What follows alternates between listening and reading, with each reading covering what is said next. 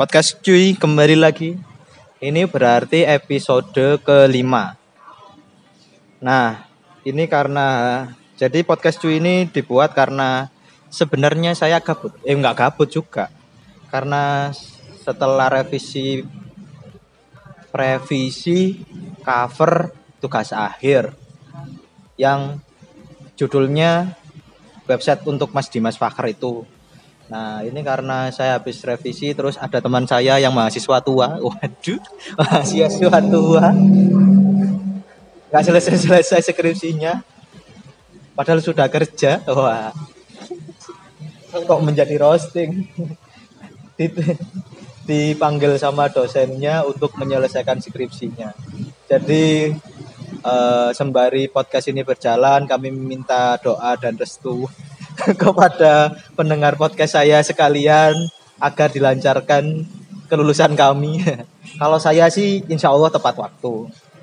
Nah kalau teman saya yang satu ini, semoga waktunya yang pas tahun ini. ya pembukaan yang receh, mari kita isi dengan uh, kali ini adalah soal perspektif baru Eh, hari ini akan kita akan podcast soal fintech. Wow, siap kan? Orang kiri seperti saya bahasnya fintech. fintech. Padahal saya sukanya sari teh. Ya lah, sari teh kopo. Teh sari wangi. Krik-krik ya. Ya. Podcast kali ini adalah antisipasi rayuan fintech. Uhuy. Bersama teman saya. Halo Mas Iqbal. Halo, halo. Selamat siang semua. Selamat siang. Selamat siang Mas. Jadi ini ambience-nya ramai sekali. Semoga HP saya Xiaomi ini bisa ya lumayan lah, noise cut-nya lumayan Mas. jadi jadi siapa sih Mas Iqbal ini? Kenapa saya uh, ingin podcast bersama beliau? Jadi uh, singkat saja, Mas Iqbal di mata saya, teman saya yang eh sebenarnya bukan teman saya, akhirnya menjadi teman saya, padahal angkatannya kakak saya. Kakak saya itu satu tahun di atas saya. Makanya saya ngobrolnya mas, eh, ngomongnya mas. Karena tingkatnya kita sama tidak, dengan kita tidak se anu ya. Tidak setingkat. Sekasta ya, tidak sekasta sebenarnya. Cuman untuk urusan mau lulus sekasta kita. Sama-sama mau lulus. Ya, sama-sama pejuang lulus. eh kasarnya sama. Nah, ini temennya mas saya, ya jadi teman saya sekarang Nah, beliau ini adalah tim marketing koperasi daerah atau BPR Amanah. Nah, nah ini sebenarnya saya juga nggak kepikiran soal soal apa? Soal fintech ini. Ternyata dia ngasih nah, ngasih apa namanya keresahan gitu kan? Ya emang sekarang lagi rame sih. Jadi bagi konten kreator yang sukanya pansos, wah pokoknya konten konten konten konten konten. Nah itu. Jadi sebelum menjurus ke antisipasi rayaan fintech, Mas kenalin dulu dong siapa sebenarnya Mas Iqbal Ya nama saya Muhammad Iqbal Lutfila, biasa dipanggil Iqbal. Ini nggak resmi nggak apa-apa kan? Oh, ya, emang dari tadi saya gacor mas. Soalnya ini saya anak desa mas. Wah sama mas. Saya anak desa mas gitu. Eh sama. Ya saya itu asli Kepanjen, kelahiran Kepanjen. Kesannya Kepanjen mas ya? Iya mas. Oh iya saya. Umurnya belum sampai 30 jadi masih dibilang muda enggak apa-apa lah. Oh iya. Nah, pesan yang kayak gini ini alhamdulillah saya masih kerja itu masih sekitar empat tahunan lah aduh di dunia jadi masalah kredit pinjaman deposito terutama yang sekarang lagi marak fintech itu saya insya Allah sudah bisa lah memahaminya. Oke. Okay. Dengan dengan apa ya empat tahun pengalaman soal BPR Dewo kooperasi di daerah. Nah ini sih salah satunya juga saya bikin podcast adalah biar memberi perspektif anak muda itu bisa kerja di mana pun. Nah kali ini saya membawa anak muda, bukan anak muda lagi sebenarnya, papa muda, karena selamat sudah punya momongan 8 bulan mas ya. sembilan bulan Wah, 9 bulan. 9 bulan itu kalau lahiran lahir lagi Mas. Mas. Yang punya lahir lagi. kasihan masnya nanti Oke. Ini tadi sudah dikenalin. Jadi kita akan eh, ngobrolin soal fintech, antisipasi rayuan fintech bersama eh, tim marketing koperasi eh, tim marketing pokoknya tim marketing koperasi daerah di daerah. Jadi gitu, di garis bawah itu. Nah, eh, ini secara list sudah semua ya kan, sudah berjalan berapa lamanya juga. Nah, sebelum kita masuk ke segmennya gitu kan, selama empat tahun itu kan pasti ada apa ya cerita-cerita unik dari dari apa ya profesi Mas Iqbal gitu kan. Nah, bisa diceritain sih enggak Mas? ya selama empat tahun ini alhamdulillah saya masih bisa bertahan di BPR Amanah karena saya kerjanya ikhlas ikhlas jadi Keamanan harus ikhlas. Islam sekali. aja amanah loh jadi harus ikhlas ini kerjanya Kayak cukan cukur Mas ya. iya. Oke. Ya. Oke oke. dari ikhlas itu saya dapat nasabah itu banyak yang kayak saudara jadinya. Jadi kalau saya butuh-butuh itu mereka bisa menolong. Kayaknya kayak ini saya punya nasabah tukang kayu. Saya mau bangun rumah butuh kayu tinggal hubungi nasabah Alhamdulillah. Ya ya ya. potongan lumayan loh mas 100 ribu kan ya pengen berapa Oh ya? iya. Potongan seratus ribu. ada tukang bangunan juga kalau mau bikin-bikin Mhm. bisa dibantu juga Wah. Eh, dealer nanti kalau ada yang membutuhkan juga bisa disalurkan Siap siap. siap. kalau Apa ya, yang membuat ada cerita juga itu Oke, ya pas nasabah ruwet mas terutama Waduh. Nah, itu kayak kucing-kucingan gitu jadi Wah. saya ke sana pagi siang sore itu nggak pernah ketemu Nah. kayak nyari apa gitu pas ketemu ya janjinya meleset terus jadi ya Ah. gimana ya agak gregetan gitu tapi ya gimana kalau saya nggak pegang bukan uang saya Iya sih. tapi ya tanggung jawab saya di situ itu tadi jadi ada greget-gregetnya tersebut itu jadi agak gimana gitu Mhm. enak-enak gimana gitu mas jadinya Nah, nah, nah ini yang yang modelnya yang terlihat nyata saja ada gregetnya, gemesin terus bisa kunci-kuncikan. Nah, apalagi fintech yang di mana dia cuman apa ya online aja. online aja terus habis itu Face gitu. sampai face to face kita nggak bisa survei di tempat dan segala macam kan jadi harus apa ya kita harus banyak banget ilmunya untuk antisipasi rayuannya karena kalau apa ya cerita-cerita yang saya dapat adalah wah ngeri. Nggak disamperin tapi diteleponin semua kontaknya. Nah ini jadi kita akan ngobrol banyak. Di segmen pertama ini akan saya tutup ini. Jadi kita akan ngobrol banyak soal fintech. Ngegemesin. Dan pada akhirnya kita akan gimana sih di- keluar dari rayuan rayuan apa itu namanya? Pinjaman fintech. Oke lanjut ke sesi kedua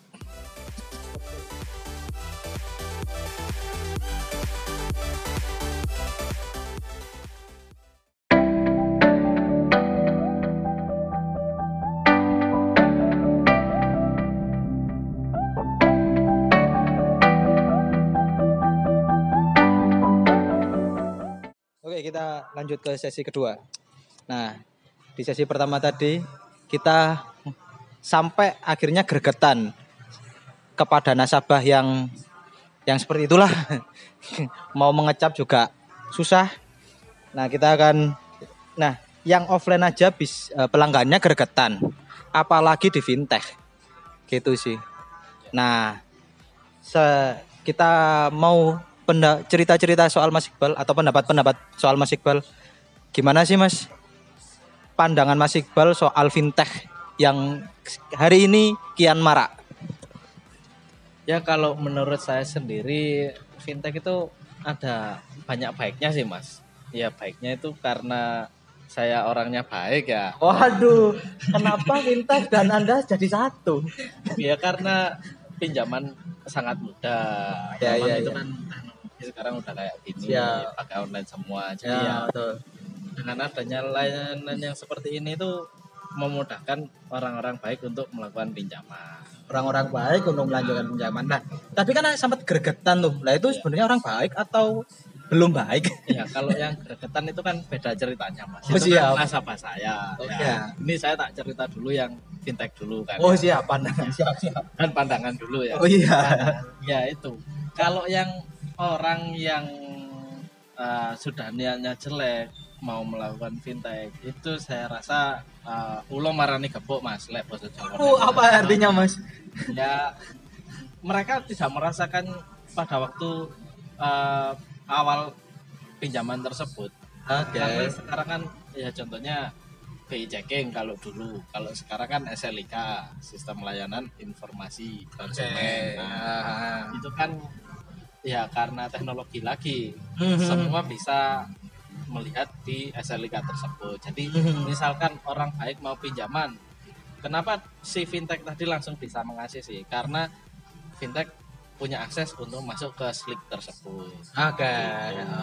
jadi eh, mereka langsung bisa langsung mencairkan itu atas dasar dari slik tersebut kalau Hmm. orang yang tidak baik mau coba-coba masuk fintech Hmm. ya itu tidak tahu orangnya karena tidak tahu atau karena orangnya cuma nyoba-nyoba Mhm. itu kan balik lagi ke orangnya sendiri kalau misalkan orangnya punya sudah punya pinjaman di bank lain Hmm. nah terus nyoba-nyoba wah butuh duit tak ngajak online cepet penaing Ya. Nah, Ah. gitu ya. padahal di sisi fintechnya sendiri itu sudah kebaca rekodnya orang tersebut jelek atau buruknya Oh iya iya iya. iya. langsung di ACC Hmm. Nah, itu efeknya kembali lagi ke konsumen kayak gitu. Jadi nanti konsumen mau melakukan pinjaman di antar bank itu malah susah lagi. Mm-mm. Kita kan zaman gini kan memang butuhnya ke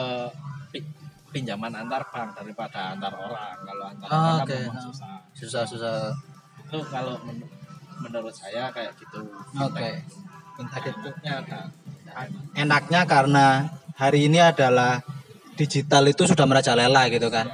Cuman kan tadi sempat kesebut soal gregetan terus habis itu orang yang kurang baik nah ya. Berarti tetap baik ada baiknya sebenarnya. Ya. Kurang baik. Nah, dilihat dari dari tadi kelihatan banget soal jaminan kan. Kalau seandainya fintech yang saya tahu adalah jaminannya foto KTP, terus habis itu ya udah dia boleh pinjam, cuman terbatas sampai ke 2 atau 3 jutaan kalau nggak salah fintech itu. Bisa sampai 5 juta mas tergantung. Oh tergantung fintechnya. Ah. Nah itu sih sampai 5 juta. Tapi kan di BPR sendiri lebih bisa lebih dari situ kan sebenarnya. Oke. bisa. Berarti perbedaannya di nominal. Karena- Iya, karena di BPR Ramana itu uh, pinjaman dengan jaminan. Hmm. Jadi yang dilihat itu jaminan dan usaha. Karena dibutuhkan survei dulu. Hmm. Selain dari slik tadi juga survei lokasi, survei usaha itu Aha. yang bisa menentukan besar kecilnya pinjaman. Oke. Berarti teman-teman yang sebenarnya butuh uang untuk pinjam Ya, bisa. bisa itu. Saya. Ah, ya, hubungi hubunginya nanti semuanya ada di, di deskripsi. Khusus untuk wilayah mana, Mas? Ya, Wilayah Malang kota juga bisa. Oh ya. Asal ada jaminannya. Oke, Karena siap. BPR kan harus ada jaminan. Nah, nah itu khususnya Malang Selatan saya. nah itu bedanya adalah di jaminannya fintech yang mungkin maksimal hari ini 5 juta, BPR bisa lebih dari situ. Bisa. Ah, dan lagi yang berbahaya soal gimana soal pendapatnya eh pendapat Mas Iqbal. Bahayanya fintech adalah ketika ya itu tadi ada orang yang gregetan lah mem- membuat eh, gemes gitu kan. Nah, untuk apa ya? Kalau fintech kan caranya adalah eh, dia menghubungi semua kontak nah bahayanya fintech itu. Jadi ketika kita sudah apply di sana terus dananya cair tanpa sadar biasanya orang-orang itu nggak sadar itu menghubungi semua kontak yang ada di HP kita. Nah itu sih pandangan Mas Iqbal soal apa ya penagihan seperti itu seperti itu itu gimana? Ya Allah belibet ya Allah. Ya, karena itu tadi mas, makanya dari awal saya sudah bilang kalau orang baik itu jadinya baik kalau orang yang nggak baik jadinya ya merugikan dirinya sendiri kayak Hmm. memarani kepuk ya itu tadi kita nggak sadar aplikasi ceret masuk Hmm. terus pinjaman Hmm. ACC nah di fintechnya sendiri kan mereka akan menyimpan kontak-kontak yang ada di handphone kita Hmm. karena dia punya akses untuk membaca kontak kita tersebut Betul. Ah. Nah, dari hal tersebut kita tidak sadar kalau kontak kita sudah direkam oleh fintech makanya Ah. itu kalau menurut saya sendiri itu hal yang risih ya karena Ya. apa Uh, yang ada di kontak tersebut kan bukan hanya keluarga kita tapi ya Hmm. rekan relasi juga ada di situ terus ya orang-orang yang baru kita kenal juga baru kesimpan di situ Ya, Kan ya, ya, nantinya bikin bikin apa bikin malu sendiri Nah, Betul. itu nantinya yang kalau saya ya muka saya taruh di mana mas ya Waduh, muka saya taruh di mana? Ya tetap sih mas mukanya, cuman tersebar jelek gitu ya mas. ya? yang namanya jadi jelek kan Ya itu sih. Jadi mungkin itu yang perlu dipikir ulang bagi teman-teman yang mau ngajuin dana di fintech. Karena pengalaman saya, teman saya sih update di WhatsApp Story itu, padahal dia udah lunas mas, Iya. tapi masih dihubungin aja sama sama pihak fintechnya. Jadi ya hati-hati sih mas ya. ya, ya itu tadi mungkin karena pas waktu pembayaran dia ada keterlambatan meskipun keterlambatan hari itu menjadi catatan di sana. Iya sih. Ya apalagi kalau gim- gimana mungkin PR-nya hari ini gimana fintech itu bisa percaya untuk bagi orang-orang yang ingin melakukan pinjaman. Wah nggak pernah tatap muka gitu kan. Padahal sebenarnya proses survei sendiri bisa nggak? Diceritain nggak sih sebenarnya di koperasi BPR Amanah ini untuk proses survei itu kayak gimana sih mas? Kok fintech berani-beraninya cuman jaminan KTP Ya, itu tadi Mas. Karena di BPR mana ini sistemnya belum online, Hmm. kita harus melakukan survei. Tapi kita harus punya dasar slik tersebut. Nah, sedangkan di fintech sendiri itu jaminan acuannya cuma slik saja. Jadi dia cuma mengandalkan database yang ada di slik tersebut. Kalau di BPR mana sebelum pengajuan itu harus menyiapkan berkas-berkas yang harus disetorkan. Contohnya kayak KTP suami istri. Kalau sudah Nah, bersuami, lah kayak saya yang single gimana? Mas? itu kalau single bisa, cuma harus ada persetujuan orang tua. Oke, ada suami istrinya tetap ya. Ya, orang tua tapi. Orang tua. Ya, ya, ya. Ya karena kan kalau masih single kan tanggungan masih tanggungan orang tua gitu. Oh, Mas. iya, Mas. Ya, kalau sudah berkeluarga kan tanggungan di keluarganya sendiri. Ya siap siap siap. Ya. Ya, itu tadi kan KTP suami istri, kakak, slip gaji kalau yang bekerja sebagai karyawan, terus jaminan. Jaminan itu ada dua macam, jaminan bergerak sama jaminan tidak bergerak. Waduh, dulu kayak gimana mas? Itu ya jaminan kayak BPKB, Ah, terus Hmm. itu. Terus kalau yang jaminan tidak bergerak itu akte jual beli bisa, Hmm. sertifikat, sertifikat tanah, rumah. Oke oke. Hmm, hmm, hmm. Oke. Gitu teman-teman. Mungkin ada yang mau ditambahin lagi mas sebelum menutup untuk sesi kedua ini. ya? Ya, saya tak cerita aja ya. Kalau Boleh boleh mas boleh. Ya ini, ini kan salah satu unek-unek greget saya pas waktu di kerja di Amanah itu ya. Tapi ini aman kan mas? Maksudnya boleh ditayangin kan? Seandainya didengar dengan atasan anda tidak merusak hati-hati mas hati-hati karena itu gacornya agak sangat kuat. Tidak apa-apa, ini kan ya sebagai apa ya? Ya biar semua orang itu biar tahu, wong ini juga pengalaman saya. Jadi pengalaman itu adalah guru yang terbaik kan ya Mas ya. Wah, Oh, siap siap siap siap. Boleh boleh mas siap. siap.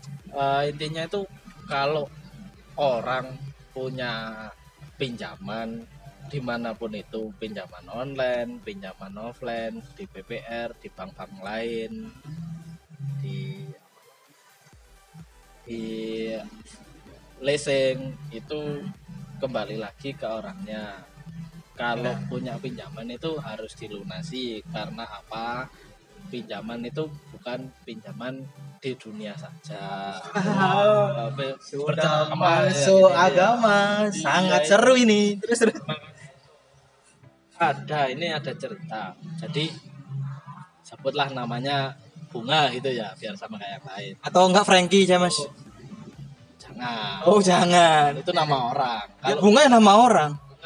Bunga. Oh iya iya. Bunga. Ya ya ya ya. Oke oke oke.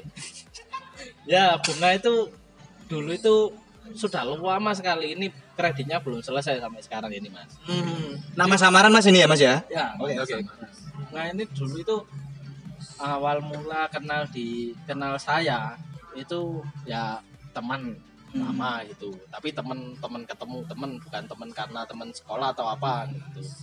Nah, terus kita sudah berteman udah cukup lama lah. Kira sekira dua tahunan kan sudah cukup untuk mengenali karakter orang tersebut. Nah, ternyata bunga tadi ini melakukan pinjaman ke BP ke tempat saya bekerja itu. Karena basicnya itu dia menggunakan apa itu? Menggunakan dana sosial untuk keperluan dirinya sendiri. Jadi dia itu Hmm. bendahara di organisasi tersebut. Hmm. Kemudian dia memakai uangnya untuk keperluan pribadi. Berhubung eh, para anggota organisasi tersebut menanyakan, akhirnya dia bingung dan terjadilah kredit di tempat saya. Nah, ya balik lagi karena orang tersebut menggunakan uang yang istilahnya uang haram kan ya mas ya. Abu-abu. Nah ya abu abu-abu. itu kehidupannya orangnya itu jadi susah mas Oh, sampai sebegitu. sampai sekarang itu jadi istilahnya untuk bertahap untuk merangkak itu orangnya susah Nah. jadi setiap saya penagihan ke sana itu selalu tidak membuahkan hasil tapi Oke. ada hasilnya cuma untuk satu kali angsuran itu pun kurang Oke. jadi kalau saya sudah kenal dekat dengan orangnya otomatis saya harus membinanya terus menerus dan saya kembali mengingatkan mas sampean Oh, iki- bunga tapi emas ya, Mas? Oh, Oh, ya wis wis. Oh iya. Mas, bunga. Oh. Ini dulu sampean pinjam buat ngelunasi utang sampean lo Ah. apalagi ki uangnya orang banyak Ah. meskipun saya nggak nagih itu loh saya nggak apa-apa tapi berhubung saya sudah kenal sama sampean Oke. ya saya itu pengen bantu sampean Hmm. memang kewajiban saya untuk penagihan Tuh. di sisi lain saya sudah kenal sama orang tersebut jadi saya juga ingin membantu orang tersebut gitu intinya kan meskipun dia sudah bisa melunasi utang ke organisasi tersebut Ah, tapi belum selesai ke berangkatnya kan pinjam di BPR tadi untuk Hmm. melunasi utangnya tersebut jadi kan masih berkaitan dengan Ya, ya, ya, ya. tak yang tadi itu Ah. jadi meskipun itu saya harus menagih tersebut Jadi, ya gitu. Jadi, ya sampai sekarang orangnya masih berhubungan baik sama saya Hmm. Tapi ya untuk penagihan ya saya memang harus bolak balik ke ke sananya Ya. kalau melihat kehidupannya orangnya waduh kasihan sekali mas itu mas Aduh, aduh, aduh, aduh. Iya. Sudah, sudah. Ya. Nanti tenang, tenang. Waduh. Nanti kalau nangis saya tremor megangin HP-nya. Nah, bagi, jadi memang kembali ke orangnya berarti ya. iya Eh, untuk apa sebenarnya dana itu dipinjam? Tapi emang apa ya? Berarti harus menyiapkan betul sumber dananya untuk iya itu ya Mas. makanya itu dilakukan survei kan untuk itu. Kita bisa melihat usaha dalam debitur kayak gimana. Di sisi lain jaminan juga mengcover atau tidak. Hmm. karena yang saya ceritakan barusan itu jaminannya sertifikat rumah. Misalkan Aduh. saya eksekusi rumahnya lah itu kan saya bisa aja seperti itu. Tapi juga sisi Manusia. tadi. Jadi saya Aha. harus orang tersebut supaya bisa Nah, itu jadi kalau kalau offline kayak gini kan bisa disamperin, bisa dibina. Nah, yang kasihan kan fintech itu ya, Mas ya, berarti. ya, kaitannya sama utang tadi utang Ah. bukan di dunia saja mas di akhirat juga ditagih Iya. Waduh. Berarti ya itu, ketika kita hutang di dunia berarti kita juga kalau nggak lunas di akhiratnya. Jadi masa Anda mau utang sampai masuk neraka? Waduh, jangan jangan jangan jangan jangan. Jadi teman-teman coba lebih bijak lagi untuk uh, karena in apa uh, harusnya sih sebelum memikir apa kepingin pinjam uang gitu kan dipastikan dulu sumber dana untuk ininya mas ya apa untuk mengembalikannya lagi gimana? Begitu. Oke kita tutup sesi kedua ini. Jadi kesimpulannya adalah sebelum entah itu sebenarnya entah itu fintech entah itu uh, peminjaman offline gitu kan harus pastikan sumber dananya untuk membayarnya jelas karena utang kita di dunia juga utang kita di akhirat. Wah, kita akan kembali ke sesi ketiga.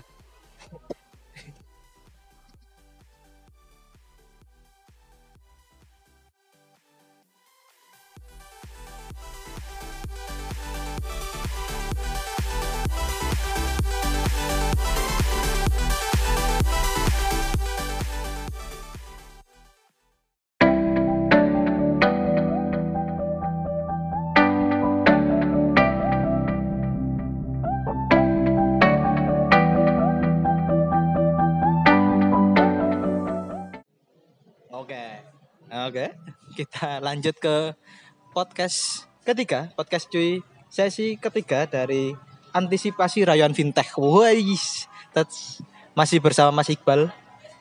Tapi yang bukan memerankan Dilan, eh Dilan tayang Mas. Anda nggak mau ngajak pacarnya, eh pacar, is, istri melihat Dilan Mas? Anu ya, saya nggak suka gitu-gitu itu mas.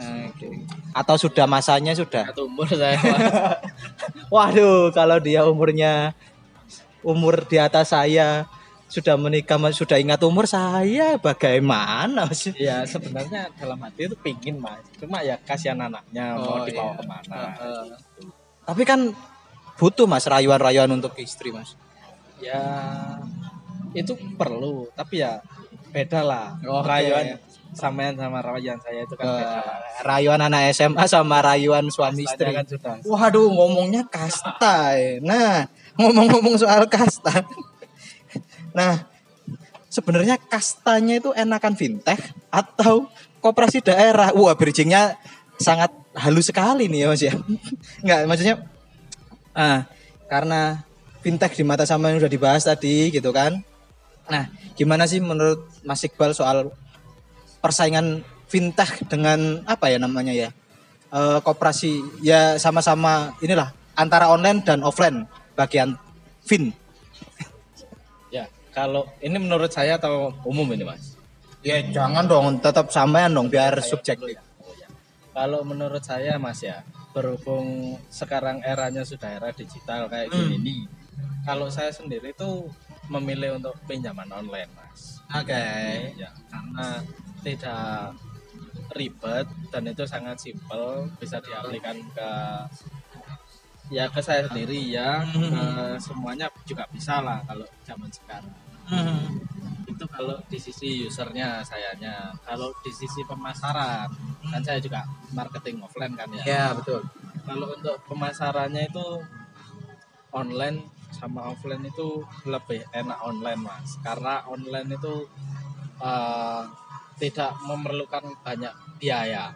Oke. Okay. Biaya marketing kalau offline kan harus ada biaya transport, betul. Biaya ngopi. Oh, ya, siap. Kan pasti ada kalau uh -huh. surveyor surveyor. Mm -hmm. ya. Itu dari sisi apa? Uh, peminjam eh, penyedia dananya kan ya. Betul. Terus kalau untuk yang offline itu saya lebih serve offline kalau sisi pemasarannya. Oke. Okay. Karena bisa melihat situasi dan kondisi calon debitur tersebut. Betul. Kita bisa menyesuaikan dana yang akan kita keluarkan. Uh. Uh, sisi kemanusiaan bisa. Iya. Karena beda ya. Iya. Lihat langsung sama lihat langsung sama status orang. Iya. Contohnya seperti ini uh, misalkan gini ya. Saya sudah berada di luar kantor. Hmm. kan di luar kantor mas. Betul betul. di luar kantor. Terus itu ada calon nasabah yang datang ke kantor. Dari situ orang kantor mengirimi saya. By data saja.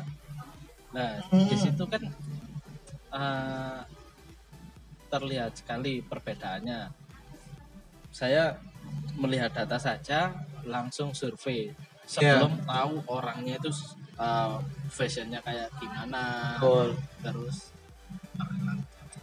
uh, cara ngomongnya gimana. Hmm. tapi saya harus langsung ketemu orang tersebut. Jadi istilahnya uh, mau perang tapi tidak punya senjata. Wah. beda dengan di kantor ada pengajuan saya Hmm. melayani orang tersebut baru Hmm. saya survei Betul. Nah, itu saya lebih sering karena saya sudah bertemu orangnya dulu Betul. saya bisa melihat ya meskipun dari luarnya saja Hmm. nah, di situ Betul.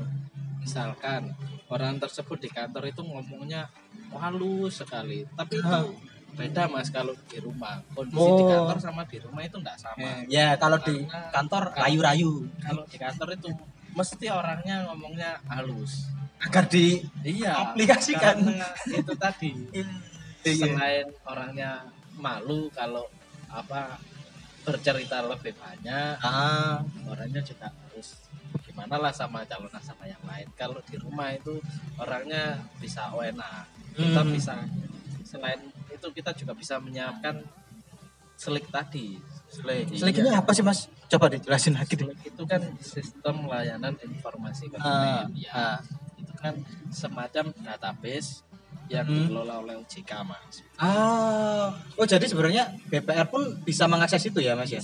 Track recordnya dia. Oke oke oke oke. Ingat 2019 ini harus aktif semua mas mulai dari bank umum, bank swasta, BPR, leasing, Hmm. finance itu Betul, semua kan pelaporannya di bawah kendali OJK. Siap. Itu. Betul betul betul. Kita bisa mengakses eh, pinjaman orang tersebut di mana-mana saja. Hmm. Terus kita lakukan survei Hmm. itu bisa lebih enak. Oke. Gitu gitu. Ya sih sebenarnya. Kalau tadi soal singgung biaya, kalau offline harus hmm, apa ya biaya entertainnya marketing.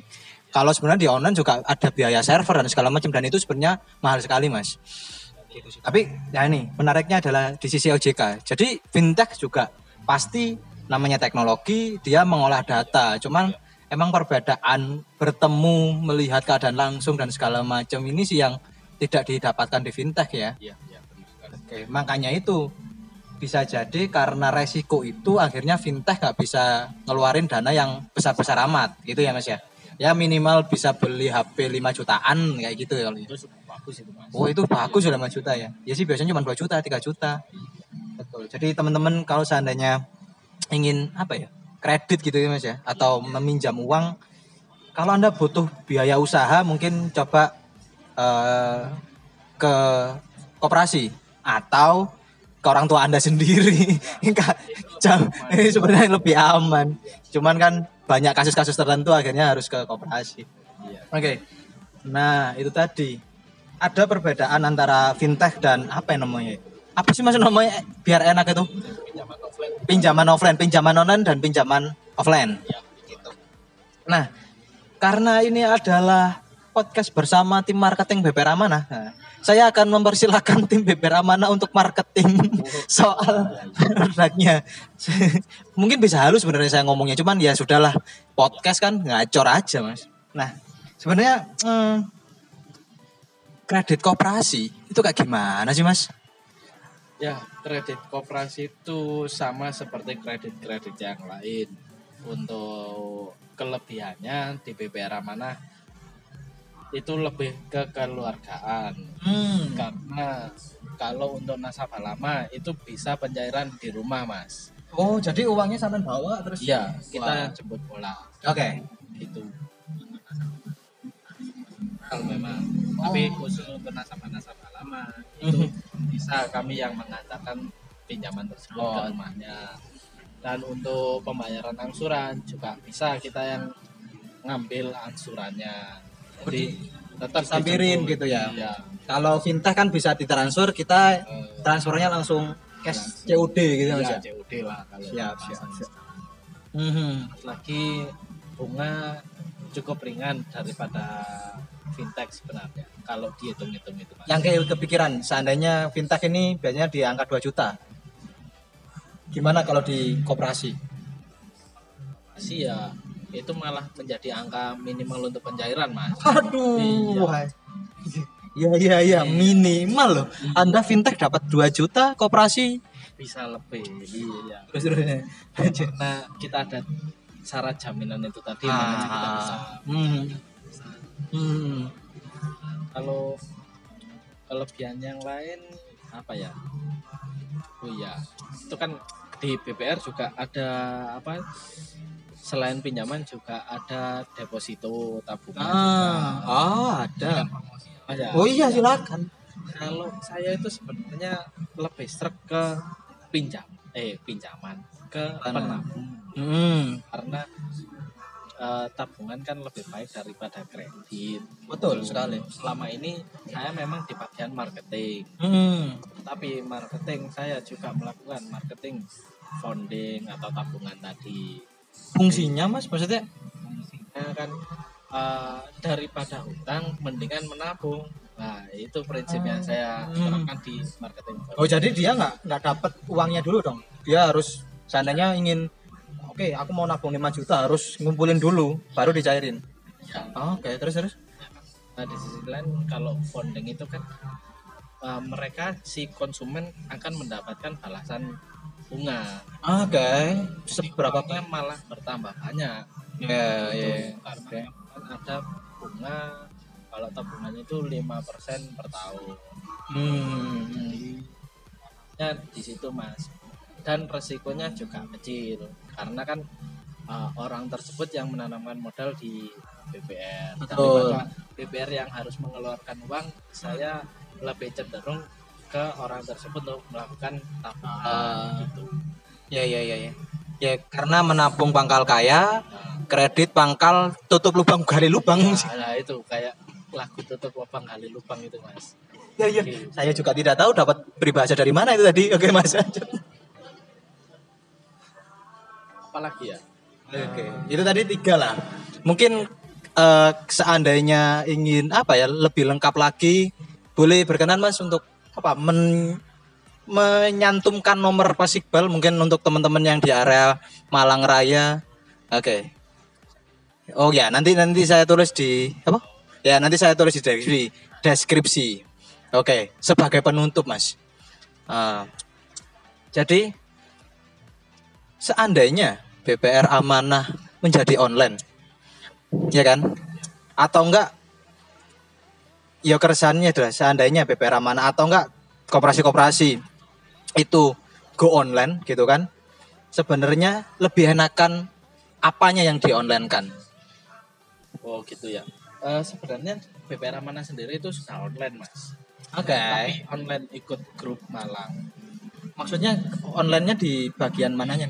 ya, semua kan Kayak- produknya kan ada kredit Hmm. tabungan sama deposito Ya, ya. Oke, ini kan tadi kan antara fintech yang kredit kan mas ya? ya Jadi sebenarnya gini, kalau fintech yang di sana adalah jaminannya itu cukup tak KTP dan ya pencurian nomor telepon, bukan pencurian, ya itu emang atas izin sih. Maksudnya eh, proses apa yang sebaiknya di online kan dari proses yang yang peminjaman offline sekarang? kalau dari peminjaman online eh, dari peminjaman offline ke online itu basicnya sama seperti offline mas jadi di situ di pinjaman online BPR Amanah itu tetap harus menyantumkan KTP Hmm. suami istri kakak dan jaminan yang akan diajukan Oke, berapa nominalnya itu? ya Hmm. apa itu harus disebutkan Hmm. Berarti mungkin mungkin ada suatu aplikasi atau enggak website gitu yang yang membantu marketing sebenarnya kan untuk website untuk marketing jadi tinggal upload KTP, KK dan persyaratan-persyaratannya kayak gitu ya. pondok kredit Oh, jadi pondok kredit itu yang sudah bisa ngupload-ngupload itu, Mas. Iya. Oke. itu ada di grup 7 Malang kalau nggak salah Hmm. Dan Jadi amanah itu anggotanya pondok kredit tersebut. Ah, Iya. tapi kan kalau oh ya oke. Tadi teman-teman pondok kredit apa? Iya. Pondok kredit itu jadi bisa memilih koperasi mana yang mau diajukan sebelum mungkin sebelum survei ya sebelum disurvei beneran bisa upload KTP dan segala macam untuk lebih mempermudah Mas ya. Iya. Oke. Jadi begitu teman-teman ternyata yang offline pun sudah online juga di line dari OJK dan segala macam itu ya. Eh ini obrolannya sangat panas. Waduh, karena di sini panas. Mana panas ya? Tidak sih. Oke. Nah, jadi Pak mungkin teman-teman ada eh, apa ya pertanyaan dan segala macam soal podcast ini, soal tanda tanya bisa ditanyakan. Jadi kita akan podcast lagi, Mas. Mungkin podcast di desa, Mas ya. Sambil main apa? Quick B, oh, Battle B. Jadi teman-teman, ini teman Battle B. Jadi teman-teman yang mendengarkan mungkin eh, eh, user Battle B bisa gabung ke guild kita. Wah, jadi promosi Battle B, Mas. Namanya anak desa. Kita di guild anak desa. Mari kita push rank eh, push apa namanya? Push rivalry. Kenapa jadi battle B? Ya. Terima kasih Mas Iqbal atas waktunya. Semoga bermanfaat ke teman-temannya. Ya. Bye bye semuanya.